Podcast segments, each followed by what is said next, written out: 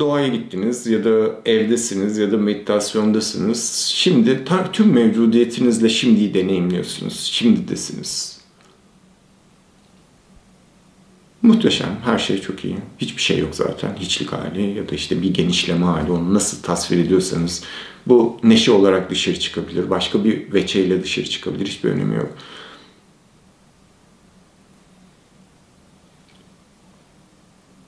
Bu yaşadığım şimdi mi? Neşe mi yaşıyorum? Sevinç mi yaşıyorum? Yani o anı tanımlamaya çalışan ya da ne kadar güzeldi. Hani bu da bir tanımlama hali. Ya da bu şimdi miydi dediğin an şimdi de değilsin. Ya ben şimdi de değilim. Evet şimdiden çıktım.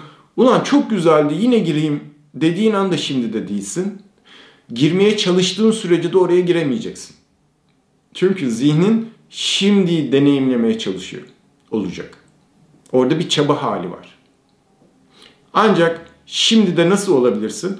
Şimdi de olma, hani bunun şifası, sürdürülebilirliği önemli. Her anda anda olabilmek şöyle bir şey. Andasın, an gitti, zihninde çok güzeldi ya da o ne güzel neşeydi düşüncesi geliyor ya o düşünceyi gelip geçmesini izlemen de o anda sürdürülebilir kılıyor anı.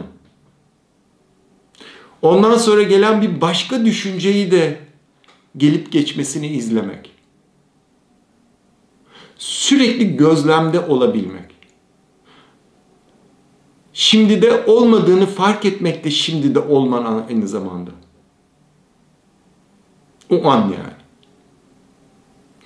ve onu birkaç tane anlık saliseler halinde deneyimlediğin zaman da coşku ve neşe dışarı çıkma fırsatı buluyor.